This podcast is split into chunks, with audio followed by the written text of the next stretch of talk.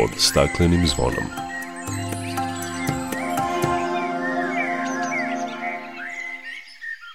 Dobar dan, dobrodošli na Zeleni talas prvog programa radija Radio Televizije Vojvodine. Ja sam Dragana Ratković.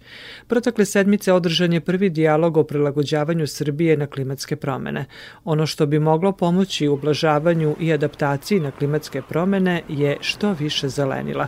Govorit ćemo o podizanju vetrozaštitnih pojaseva u Pančevu, o prolećnim akcijama čišćenja u Somboru, Zrenjaninu i Vršcu – Da je proleće stiglo, ukazuje nam i pesma i cvrkut ptica. Čućete koje ptice nam pristižu tokom prolećne seobe.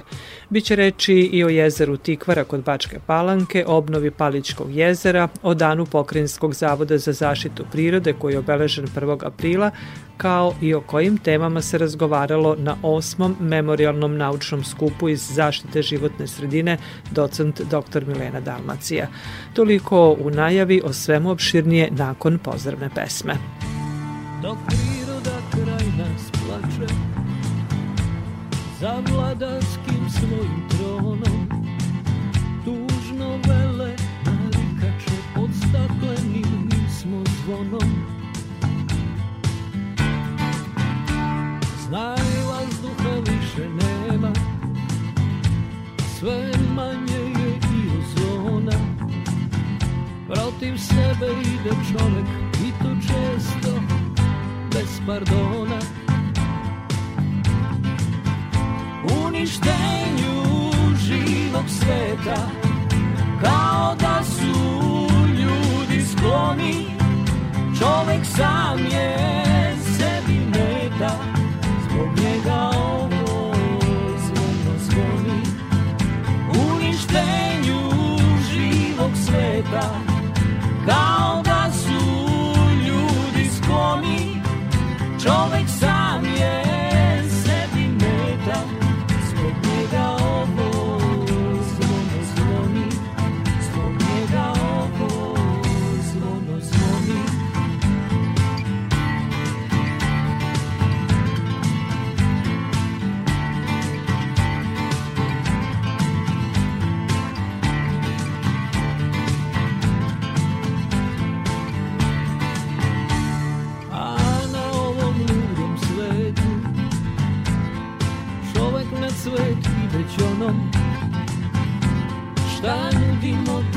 Kad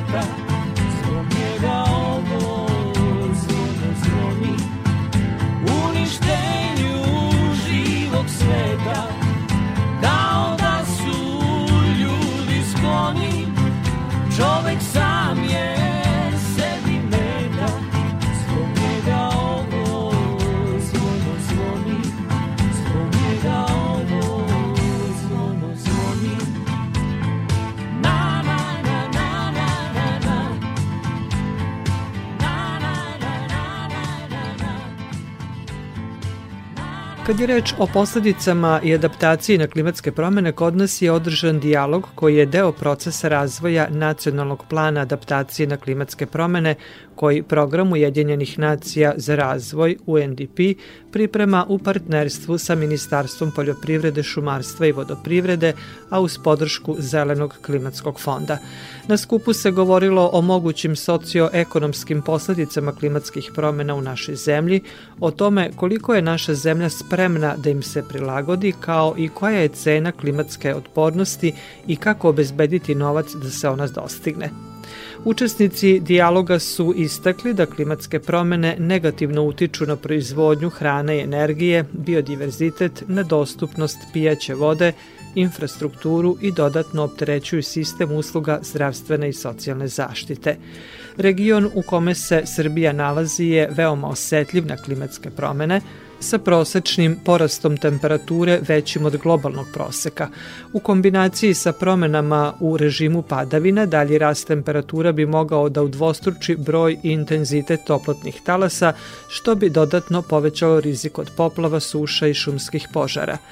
Nalazi izveštaja UNDP-a pokazuju da bi klimatske promene mogle da uspore ekonomski razvoj Srbije, posebno u sektorima poljoprivrede i vodoprivrede, šumarstva, energetike, saobraćaja i infrastrukture.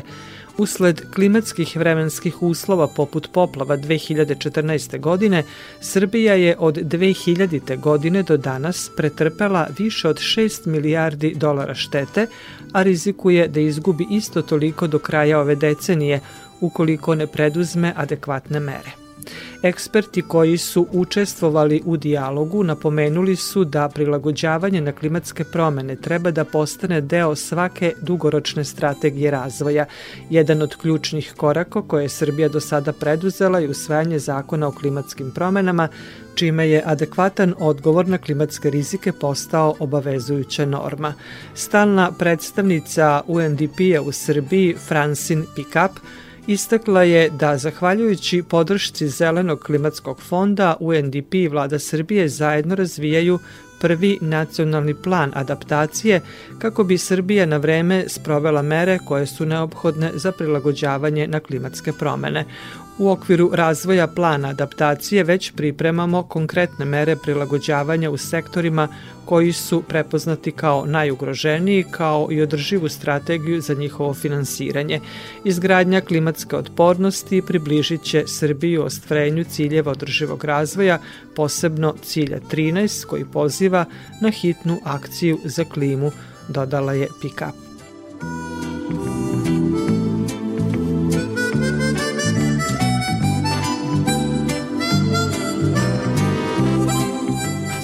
Slušate emisiju pod staklenim zvonom. Ono što bi moglo pomoći u ublažavanju i adaptaciji na klimatske promene je što više zelenila. Na Novosadskom štrandu protekle sedmice održana je akcija sadnje drveća, volonterska oaza. Akciju je realizovao Novosadski volonterski servis u saradnji sa Gradskom upravom za zaštitu životne sredine i Gradskim zelenilom u sklopu projekta Oživimo parkove. Volonteri iz različitih organizacija uz podršku stručnih ljudi iz Gradskog zelenila zasadili su 18 različitih novih stabala. Ideja volonterske oaze je nastala nakon uručene oktobarske nagrade grada Novog Sada, koja je dodeljena svim volonterima i volonterkama 23. oktobra prošle godine. Uz nagradu dodeljena su i novčana sredstva za koje je dogovoreno da se utroše na način da istaknu ulogu i značaj volontiranja u gradu. Nakon sprovedene online ankete među volonterima Novog Sada iz 40 organizacija, najveći broj glasova dobila je ideja i potreba za sadnjom stabala.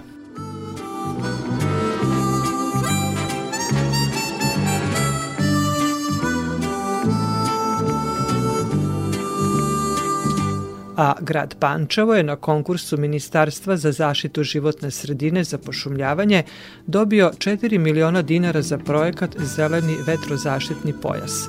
O tome iz Pančeva Snežana Đurić. Na konkursu Ministarstva za zaštitu životne sredine Pančevo je odobreno 4 miliona dinara za podizanje vetrozaštitnih pojaseva.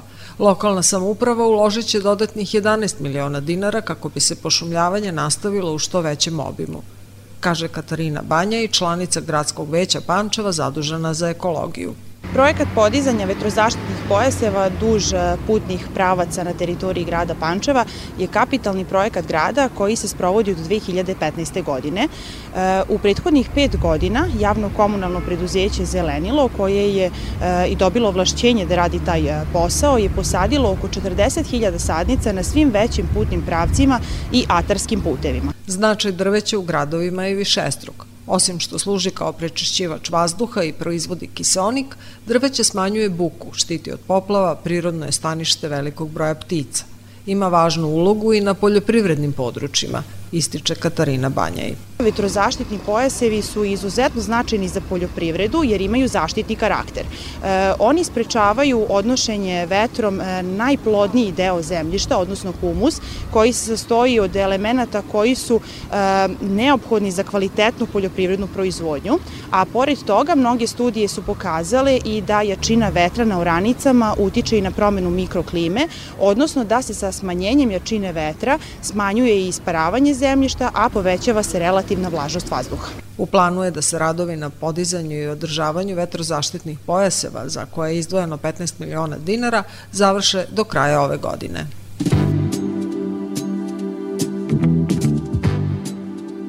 Stanovnici Beočina mogu da se prijave za besplatne sadnice belog jasena u okviru projekta Posadi svoj hlad u ovom mestu.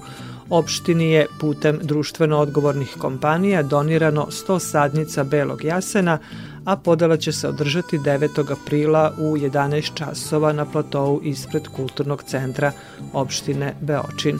Ukoliko bude zainteresovanih građana za sadnice iz drugih mesnih zajednica opštine Beočin, organizovan je i prevoz sadnica u te mesne zajednice, poručuju u opštinskoj upravi.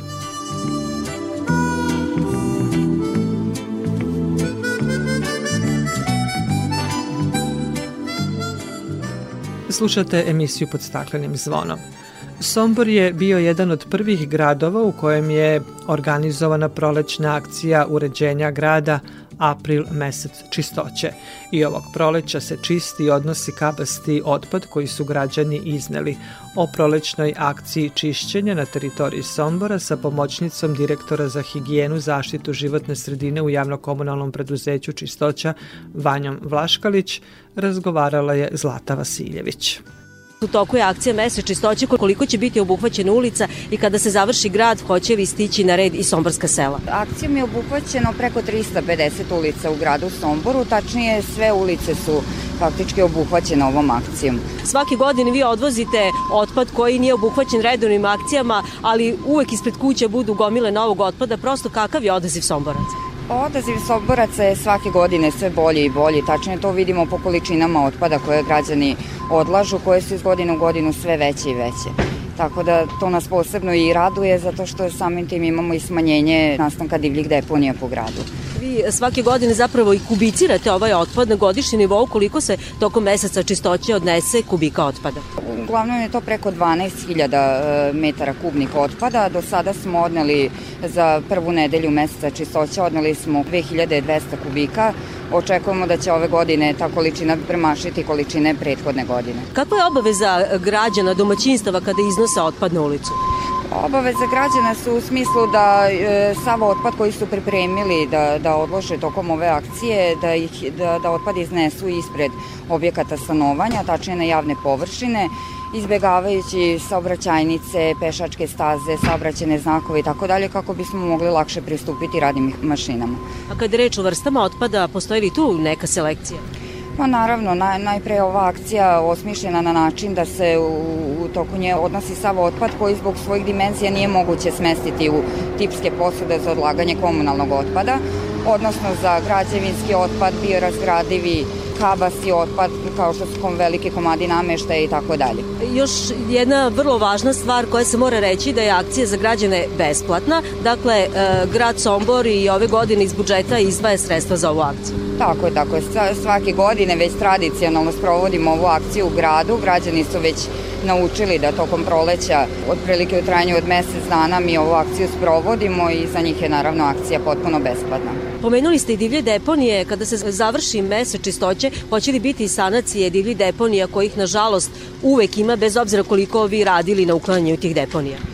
Naravno, svake godine imamo i program uklanjanja divljih deponija, uglavnom sa poljoprivrednog zemljišta, ali možemo reći da su se i te divlje deponije iz godine u godinu ih je sve manje na terenu, to su naša zapažanja i naše iskustvo pokazuje ovaj, da, da je to u praksi zaista tako. Samim tim što smo uveli mesec čistoće i na selima, došlo je do toga da smo faktički smanjili nelegalno odlagališta ovaj, u seoskim mesnim zajednicama. Za sela smo smislili sličnu ovakvu akciju, e, ali se ta akcija sprovodi tokom cele kalendarske godine, gde meštani iz sela se za potrebe dostavljanja kontejnera od 5 metara kubnih e, obraćaju svojim mesnim zajednicama i e, odlažu sav svoj kabasti otpad građevinski, kao što sam već pomenula, i za grad i na selima u principu odlažu te vrste otpada u ove kontejnere. Vanja, vama hvala na svim ovim informacijama. Ljudi koriste ovu priliku da iz svojih domaćinstava iznesu sve ono što ne mogu tokom godine kada su redovne akcije odvoženja otpada i svakako ovo jeste jedan od dobrih načina da se spreči širenje divljih deponija na teritoriji grada Sombora.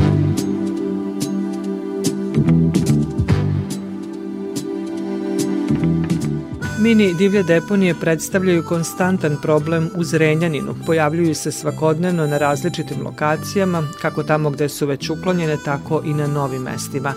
U javno-komunalnom preduzeću Čistoća i Zelenilo kažu da je na teritoriji Zrenjanina nakon poslednjeg mapiranja izvršenog pre nekoliko nedelja locirano 27 mini divljih deponija. I u ovom gradu organizuje se akcija čišćenja. Više o tome Tanja Krunić. Najproblematičnije lokacije u Zrenjaninu na kojima se pojavljuju mini divlje deponije su ispod platoa kod Vojvođanske banke, u Strelišnoj ulici, ispod Principovog mosta, kod starog vatrogasnog doma u Petefijevoj ulici, kod Pinove vile. Takođe problem su i divlje deponije na Mihajlovačkom i Lazarevačkom drumu. U javno-komunalnom preduzeću Čistoće i Zelenilo kažu da se dešava da jednu divlju deponiju uklanjaju i u toku dana i u toku noći. Kaže Danijela Tančić, port parolka javno-komunalnog preduzeća Čistoće i Zelenilo. Divlje deponije predstavljaju jako veliki problem i našem gradu, a takođe i našem preduzeću, nas jer nas remete u obavanju redovnih aktivnosti, jer za njihovo uklanje zaista potrebno je vreme, potrebna je radna saga i kompletna mehanizacija. Njih ima jako puno. U zadnjih par nedelja mi smo obilaskom terena mapirali deponije na 27 lokacija. Jedan deo smo mapirali sami, a jedan deo su nam pomogli naši sugrađani tako što su nam ukazali lokacije gde se te divlje deponije nalaze. A šta o tome kažu građani? To treba kažnjavati. Sam taj miris, odnosno smrad zagađuju. Treba to da se sve sanira. Gde god krenete po Srbiji, svugde to ima. To je veliki problem. To mi prvi ne bi smeli to da radimo. U toku je prolećna akcija iznošenja kabastog otpada koja će trajati do 22. aprila i realizuje se u saradnji sa svim gradskim mesnim zajednicama, gde će po dva dana biti postavljeni kontejneri zapremine 5 metara kubnih u koje građani mogu da odlože stari nameštaj, šut, dotrelu belu tehniku. Ali tu nastaje problem jer otpad neretko završava pored kontejnera. Ukazala je Danijela Tančić, port parolka Zrenjaninske čistoće. Ja bih apelovala naše građane da svoj kabasti otpad ne odlažu pored kontejnera, jer sam, sam taj način dolazi do stvaranja divljih deponija prosto svi moramo da se uključimo u rešavanje jednog ovakvog problema, mora malo svest više da nam bude svima podignuta I jednostavno, znači, treba da se trudimo da naš grad bude čist, naš grad bude uredan, jednostavno onako kako i treba i treba svi da živimo u jednom lepšem, zdravijem i čistijem gradu. Naša sagovornica podsjeća i da ukoliko građani ne iskoriste ovu akciju, mogu podneti zahtev da im se ispred kuće ili zgrade postavi kontejner gde mogu odložiti kabasti otpad. Ova usluga košta 2200 dinara. Takođe, komunalno kabasti otpad mogu odneti i na gradsku deponiju.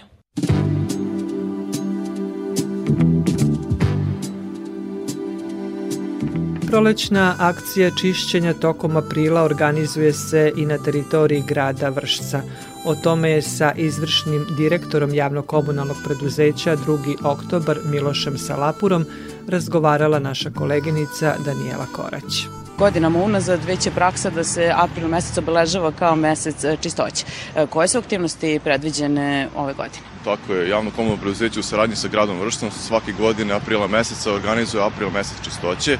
Pored redovnih aktivnosti na čišćenju i uređenju grada koje sprovodi naše preduzeće po programima, u aprilu mesecu biće e, sprovedene i sledeće aktivnosti. Uređenje javnih zelenih površina, odvoženje kabastog otpada iz domaćinstava, uređenje drugih javnih površina, čišćenje kontejnerskih mesta i saradnja sa javnim ustanovama i mesnim zajednicama. Što se tiče javnih površina, da kažemo koje su one najbitnije ili najveće javne površine koje su obuhvaćene ovim aktivnostima? Ovim aktivnostima uredit ćemo u gradskom parku centralnu rundelu gde ćemo je vratiti stari sjaj tako što ćemo posaditi nove sadnice šimšira. Takođe na ulazu u naš grad iz pravca Beograda na Beogradskom putu, odnosno na padini Beogradskom putu gde je znak Vršac, uredit ćemo taj prostor, stavit ćemo novi travnati sloj na travnatu podlogu, uradit ćemo cvetnu kompoziciju i napravit ćemo kamene kaskade tako da ćemo ulepšati ulaz u naš grad sa te strane. Takođe uredit ćemo i Vršački breg, centralne gradske površine, ali to ne znači da ćemo samo raditi u, okviru centra grada, radit ćemo i u svim delovima grada, kao na primjer očistit ćemo plato ispred železničke stanice, uredit ćemo prilaz našem gradu iz pravca Rumunije oko naše gradske deponije, takođe ćemo urediti prostor oko naše robne pijace, Lidla robne pijace. Treba pomenuti gradski park koji je od prošle godine potpuno dobio novi izgled. Da, gradski park, kao što sam rekao, sredit ćemo ga, dobio izgled tako što smo uradili i novi ovaj, parking prostor gde naši sugrađani mogu da se parkiraju i da uđu i da provode vreme u gradskom parku. Takođe bih napomenuo da ova akcija podrazumeva i odvoženje kabastog otpada, gde svi naši sugrađani mogu da se jave na broj telefona koji će biti objavljen na našem sajtu i na ovaj, mail adresu javne.površine etoktobar.rs gde će uh, radnici javnog komunalnog preduzeća odvoziti kabasti otpad koji ne može da stane sada u standardnu postu kao na primjer nameštaj i tako slično. Takođe na kraju bih napomenuo da ne trebamo zaboraviti naše mesne zajednice i javne ustanove. U saradnji sa njima, predsednicima Saveta mesne zajednicama, uredit ćemo i njihov prostor i očistiti uh, prostor gde je to potrebno. Treba svako spomenuti da ste na jednom od najvećih šetališta u Vršačkom bregu nedavno postavili i kante za smeće. Jeste, počinje polako sezona, ljudi šetaju i ova situacija je kakva takva je. Postavili smo pet posuda da ljudi mogu da odlože svoj otpad kada se šetaju. Takođe ćemo urediti i staze. U toku je i akcija obeležavanja staza na ove, Vršačkom bregu u kojoj mi takođe učestvujemo. Hvala vam puno novim informacijama. To svakako lepa veste za naše sugrađane da mogu očekivati mnogo lepši i uređeniji grad.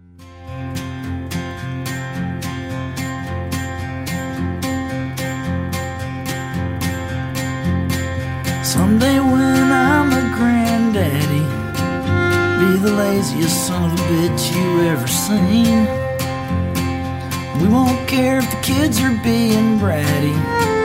We'll just walk around as if it's all a dream. And if the whole world loses its mind, we'll be fine.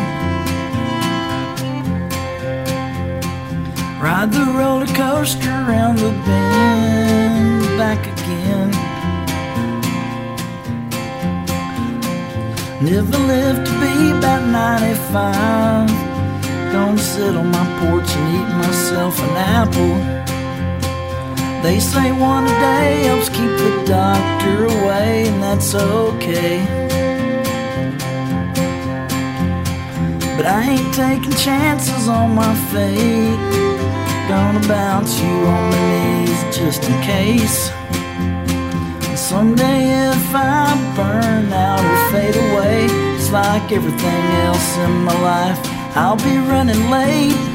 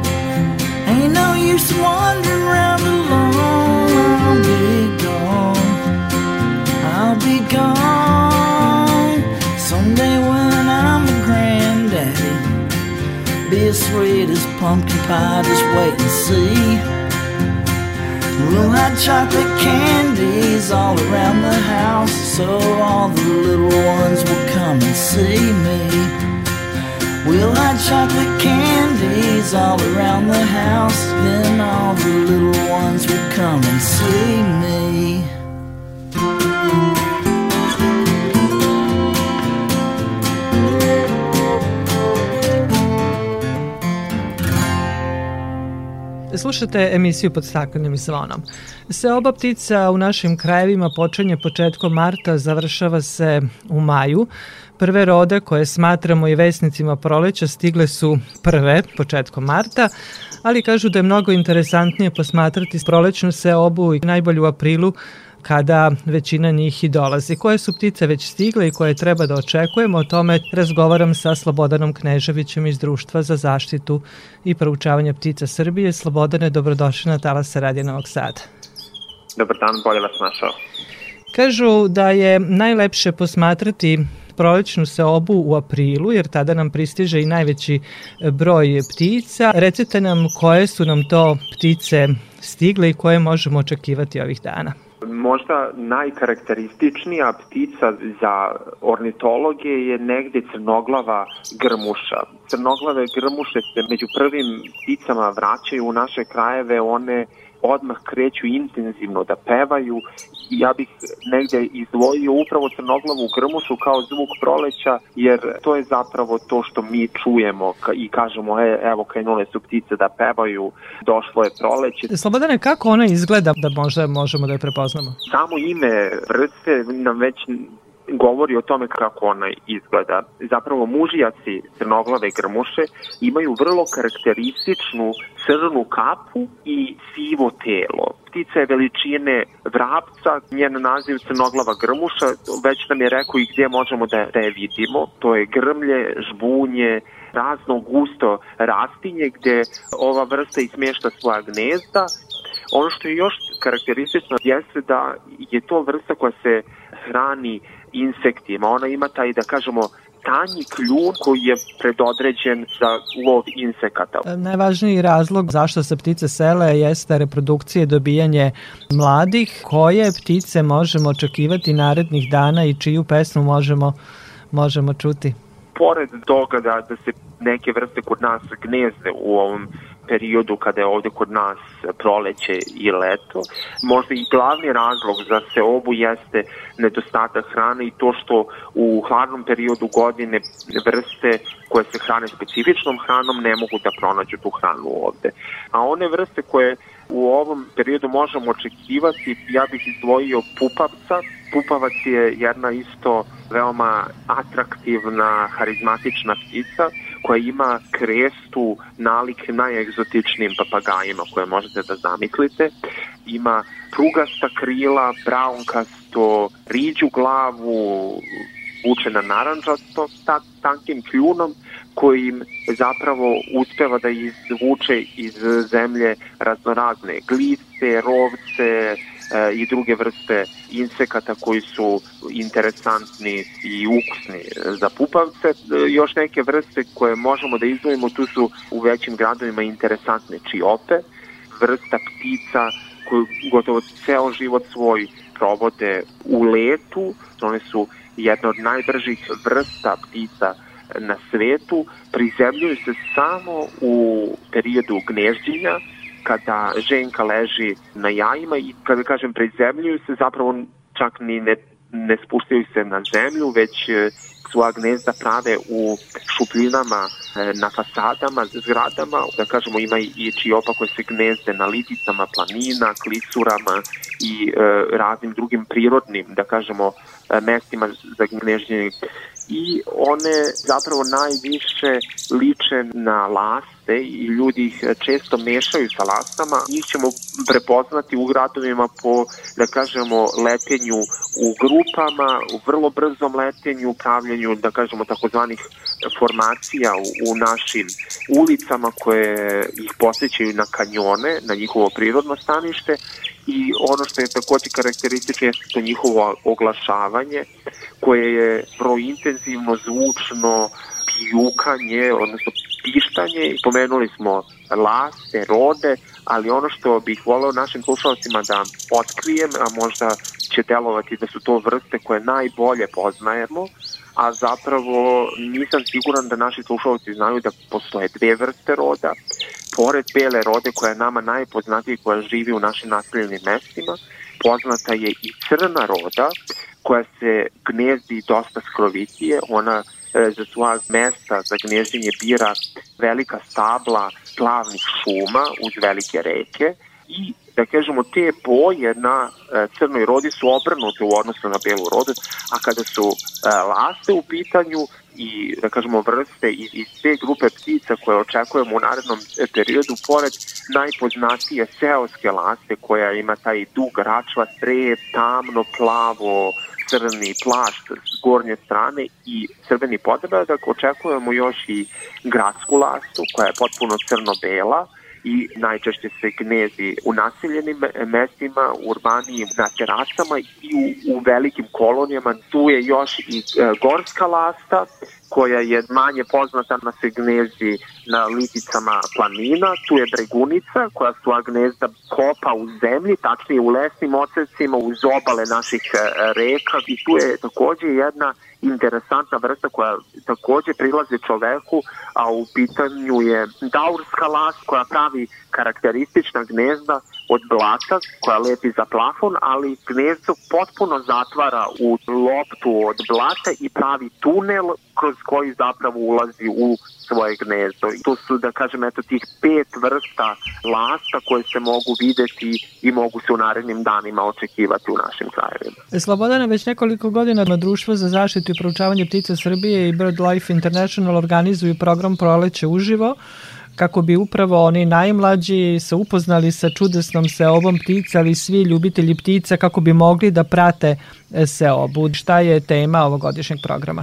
Ove godine tema proleća uživo jeste zapravo kako učiniti svoje okruženje bezbednim za gnježđenje ptica. Pa eto ja bih izdvojio par saveta za naše slušalce ukoliko žele da se ptice gnezda u njihovoj blizini i da pritom budu bezbedne, neki od saveta jesu zapravo da moramo povesti računa o svojim kućnim ljubimcima. Tu pre svega mislimo na naše mace. Mačke su, da kažemo, predatori, oni su mesojedi i ptice su e, divljim mačkama potpuno, da kažemo, prirodna hrana i pozivamo to sve slušalce koji imaju svoje kućne ljubimce da o njima, da kažemo, vode e, računa. Ono što je takođe savet za e, poboljšanje gnježđenja ptica jeste da možemo posaditi žbunje i kada imamo žbunje pustimo ga da on raste, pustimo ga da, da priroda učini svoje, da privuče drugi živi svet da se u njemu gnezdi i to će biti zaista velika pomoć za ptice koje se gnezde u našem okruženju. Takođe možemo napraviti kućice za gnežđenje ptica, možemo pticama u toplijem delu godine ponuditi i vodu, tako da to su neki kratki saveti koji se odnose na gnježđenje i pomoć u gnježđenju. Slobodane, hvala lepo za razgovor i ovu priču o prolećnoj seobi ptica i što ste nas upoznali malo sa pticama koje nam sada dolaze. Sigurno će većina ovih dana i boraviti u prirodi, posmatrati ptice i uživati u njihovoj pesmi koja kažu da je najlepša sada u ovo doba tokom proleća. Svakako. Hvala vama.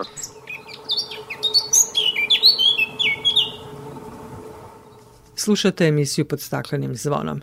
Jezero Tikvara jedino je prirodno jezero na Dunavu. Spada u najveće zimovnike bele ribe i kao takvo omiljeno je mesto za pecanje ribolovcima iz cele Vojvodine. Zbog izuzetne prirodne lepote Tikvara je sa svojom okolinom zaštićeno prirodno dobro. O tome Miroslav Karanović. Jezero Tikvara ima veoma bogatu ribolovnu faunu. Obiluje šaranom, krupnim štukama, smuđem, somom i mnogim drugim vrstama ribe. Takođe, sa ovog područja najviše se izvozi bele ribe sa Dunava. Igor Preli je dugogodišnji pecaroč, član je Udruženja sportskih ribolovaca Šaran. Jedan od dva najveća zimovnika na ovom toku Dunava, nizvodno od Apatina. Ovaj, imamo sve vrste bele ribe, ribe ima dosta, popravlja se riblji fond, to moram da istaknem. Ovaj, imamo sve vrste bele ribe, šarana, ima smuđa, ima štuke, desi se čak i ponekad neki ulov kapitalnog soma, ima to stolobika, da kažem za svakog po nešto. Darko Božović je direktor ustanove za sport i rekreaciju Tikvara. Imamo korektnu saradnju i to se vidi i po broju ribo dozvola koje mi prodajemo za naše zaštićeno dobro, ona je kontinuirana uz godine u godinu, tako nema ni opadanja, ni nekog velikog rasta. To je onaj broj ljudi koji su svakodnevno tu na Tikvari. Ukoliko naši gosti dođu, imaju mogućnost svakako da kupe jednodnevnu dozvolu, oni takvu mogućnost iskoriste, naši ribočuvari i sva mesta koja su preodređena za prodaju to rade. Jezero Tikvara u Bačkoj Palanci, pored Beogradske Ade Ciganlije, jedina je alternativa za održavanje svih sportova na vodi.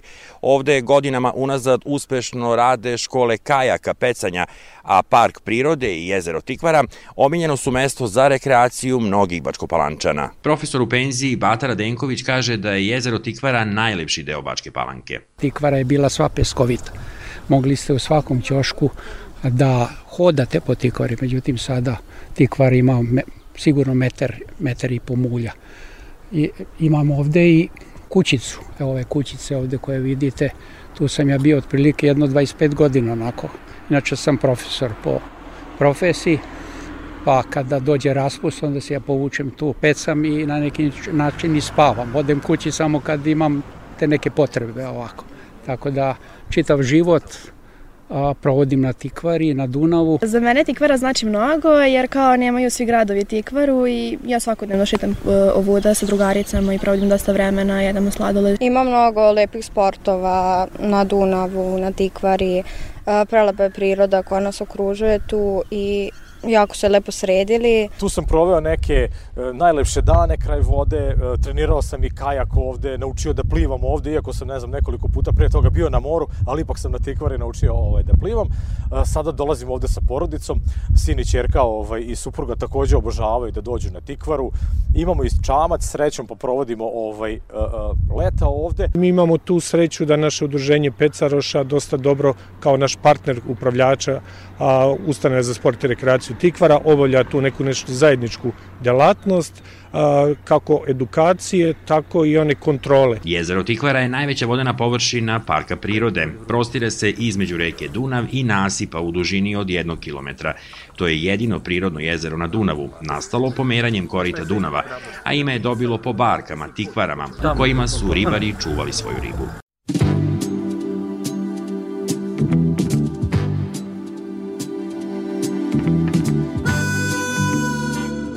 Uslovi za prirodnu obnovu Paličkog jezera stvorit će se do kraja godine. Izgrađena je kanalizacija za naselje Palić, a gradi se i zaštitni pojas oko vode. Vlada Nemačka je za sanaciju Paličkog i Ludaškog jezera izdvojila 6,5 miliona evra.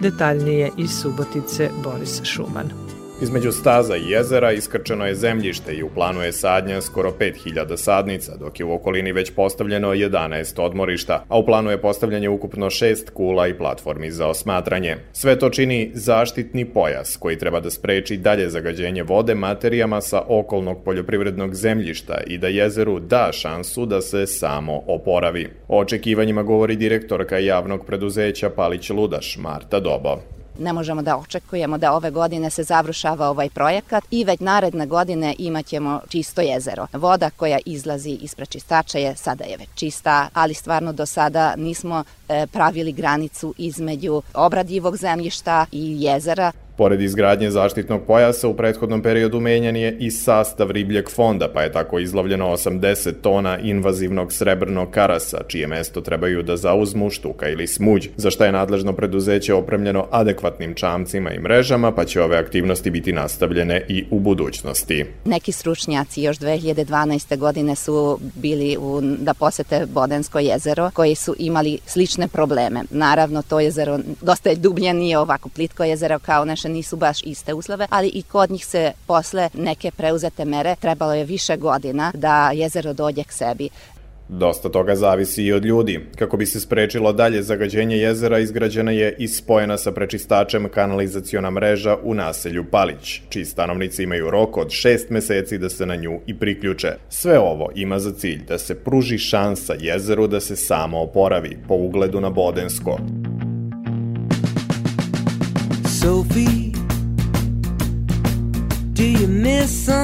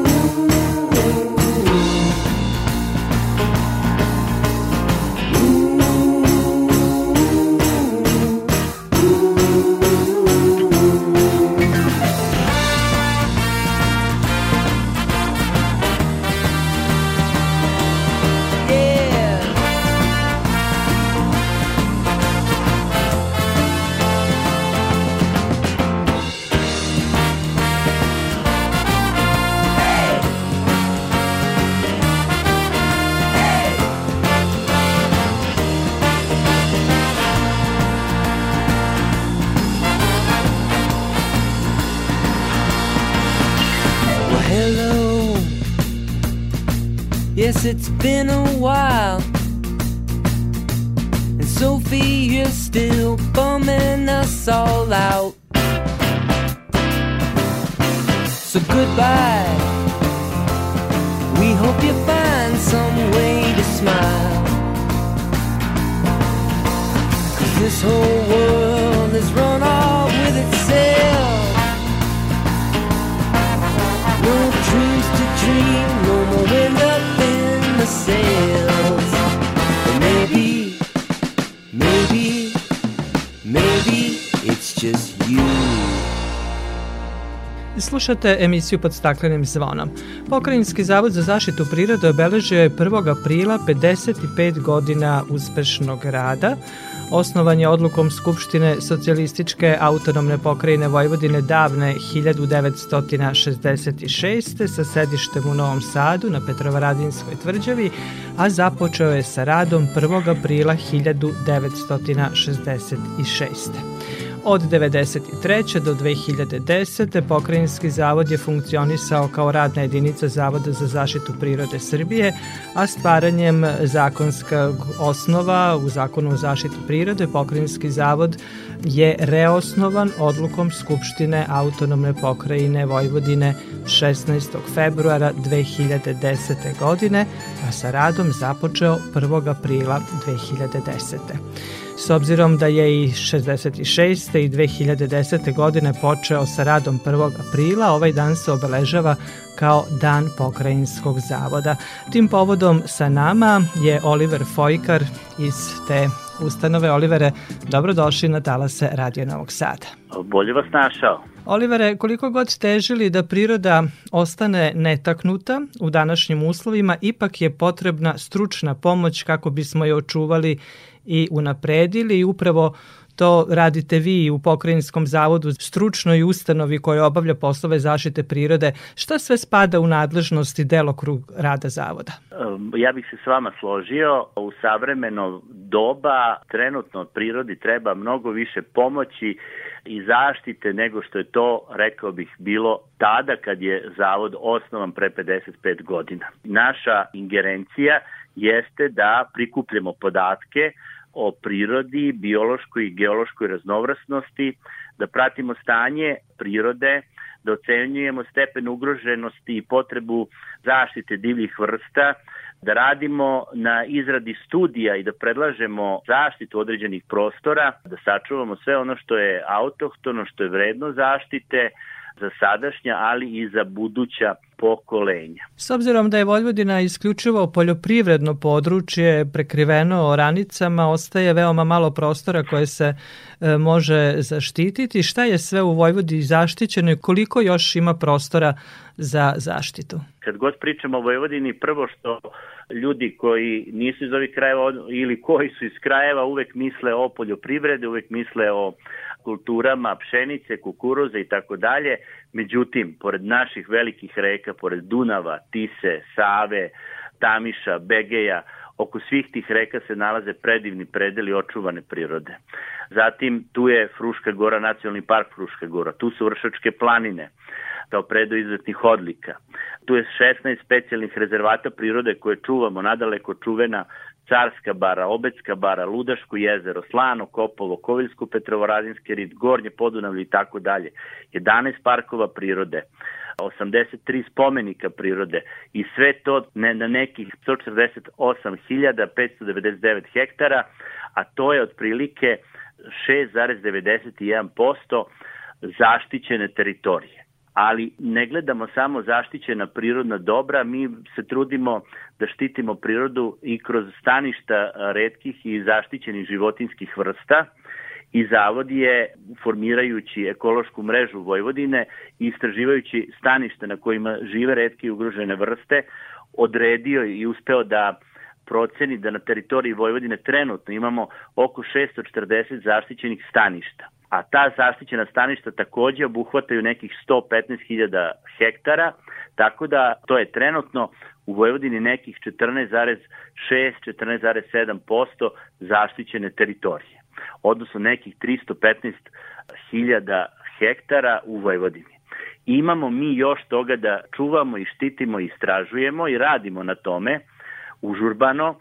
Vidite kako je vreme došlo da mnogi investitori upravo grabe prostore koji su jeftini, slatine, livade, i tako dalje, da bi na tim prostorima gradili neke svoje objekte. Naravno, na nama je cilj i, i želja da te prostore sačuvamo za prirodu, da sačuvamo redke i ugrožene vrste koje žive na tim prostorima, tako da ovaj, je trenutno, mogu slobodno reći, e, trka za zaštitom i moramo biti oprezni i čuvati ono što je još uvijek ostalo. Da, mali procenat, ali zaista e, izuzetno vredna, zaštićena prirodna područja, ne samo u nacionalnim, nego i međunarodnim okvirima koje zaista moramo sačuvati i ono malo što je preostalo da stavimo pod zaštitu. Pored toga što Pokrenjski zavod za zaštitu prirode je stručna ustanova koja se bavi zaštitom prirode, zavod ima veliku ulogu u edukaciji i podizanju svesti javnosti o potrebi zaštite prirode. Zavod posjeduje veoma vrednu prirodnjačku zbirku koju ovoga puta moramo pomenuti. Zavod je u stvari tako nekako i nastao.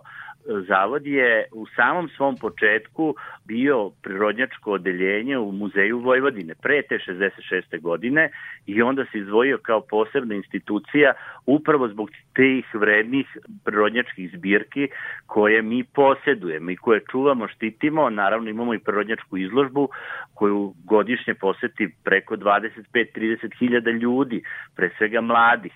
Mi u našim depojima zavoda sem onog što ljudi mogu da vide na našoj izložbi, mi imamo oko 25.000 eksponata muzejskih vrednosti raspoređenih u raznim zbirkama, u ornitološkoj zbirci, znači prepariran, više hiljada prepariranih ptica, zatim herbarijum koji je čuveni priznat, sa velikim brojem herbarskog materijala, neki primjer potiču iz vremena Pančića, odnosno potpisani su rukom Josifa Pančića.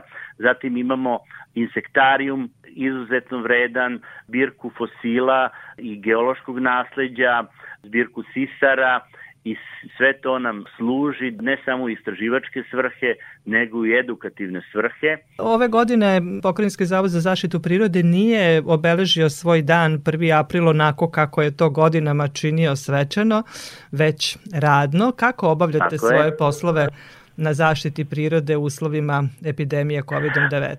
Da, a upravo ste. To što ne možemo da pravimo edukativne programe ne znači da ne možemo izaći na teren i valorizovati prostore.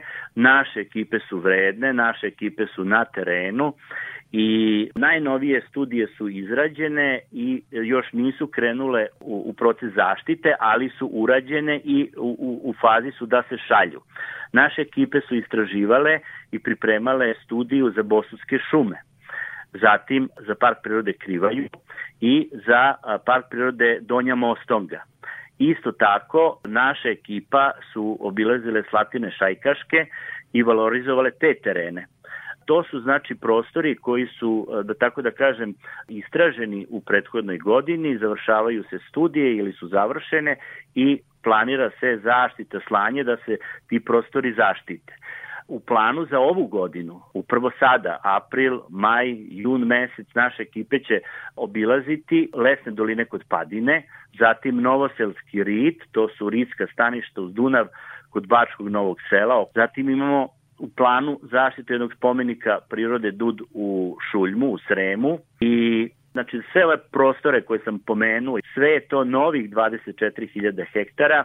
I jednog dana kad ti prostori budu proglašeni, kad se izrade studije i kad dođe na usvajanje, to će biti novih 1,1% zaštićeni teritorije Vojvodine. Radimo maksimalno što možemo u ovim teškim uslovima. Da, mnogo je i posla koje a, treba uraditi kad je reč o zaštiti prirode. Olivere, hvala vam za razgovor.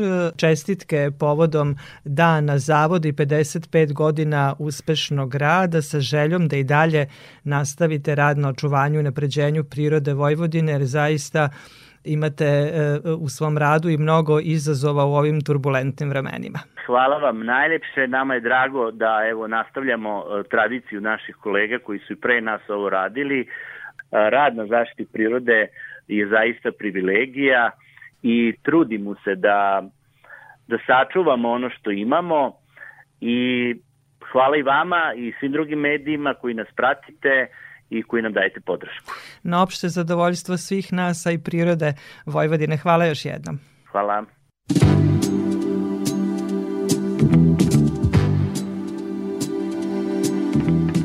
Slušate emisiju pod staklenim zvonom.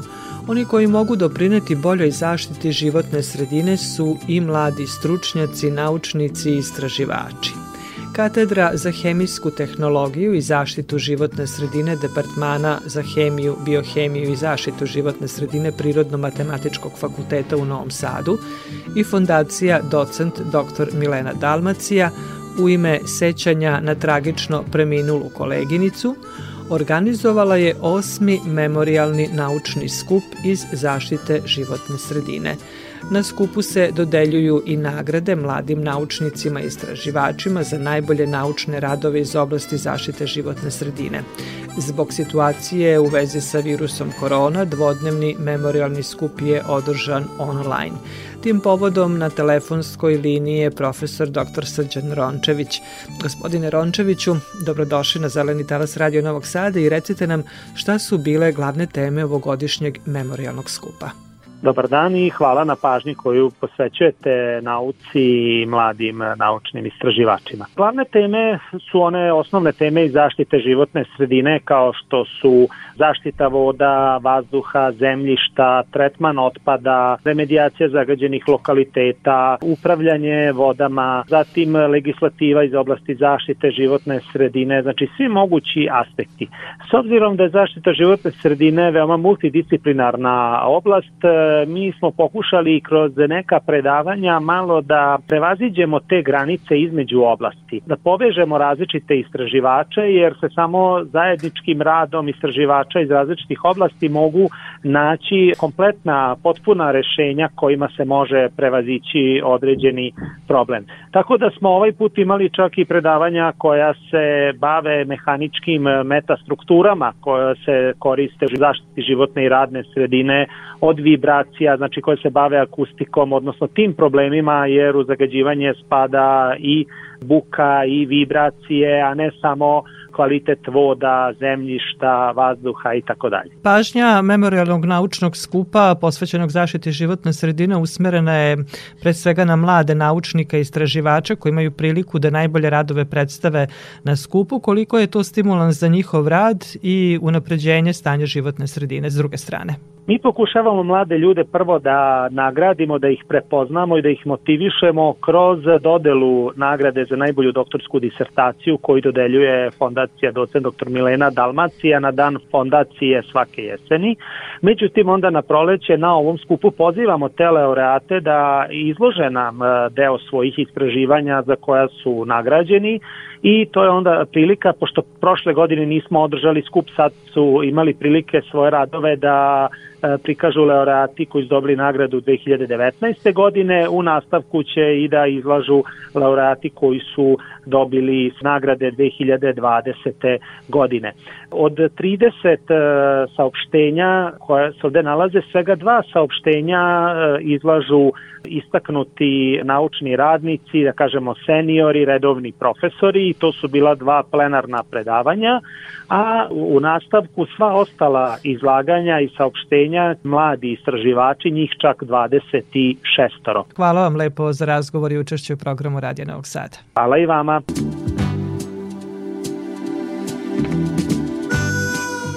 Toliko u ovo nedeljnom izdanju emisije pod staklenim zvonom koju možete slušati i odloženo na podcastu Radio Televizije Vojvodine na adresi rtv.rs. Na pažnji vam zahvaljuju Violeta Marković, Zoran Gajinov i Dragana Ratković. Naredni susret zakazujemo za sedam dana u isto vreme na zelenom talasu prvog programa radija Radio Televizije Vojvodine.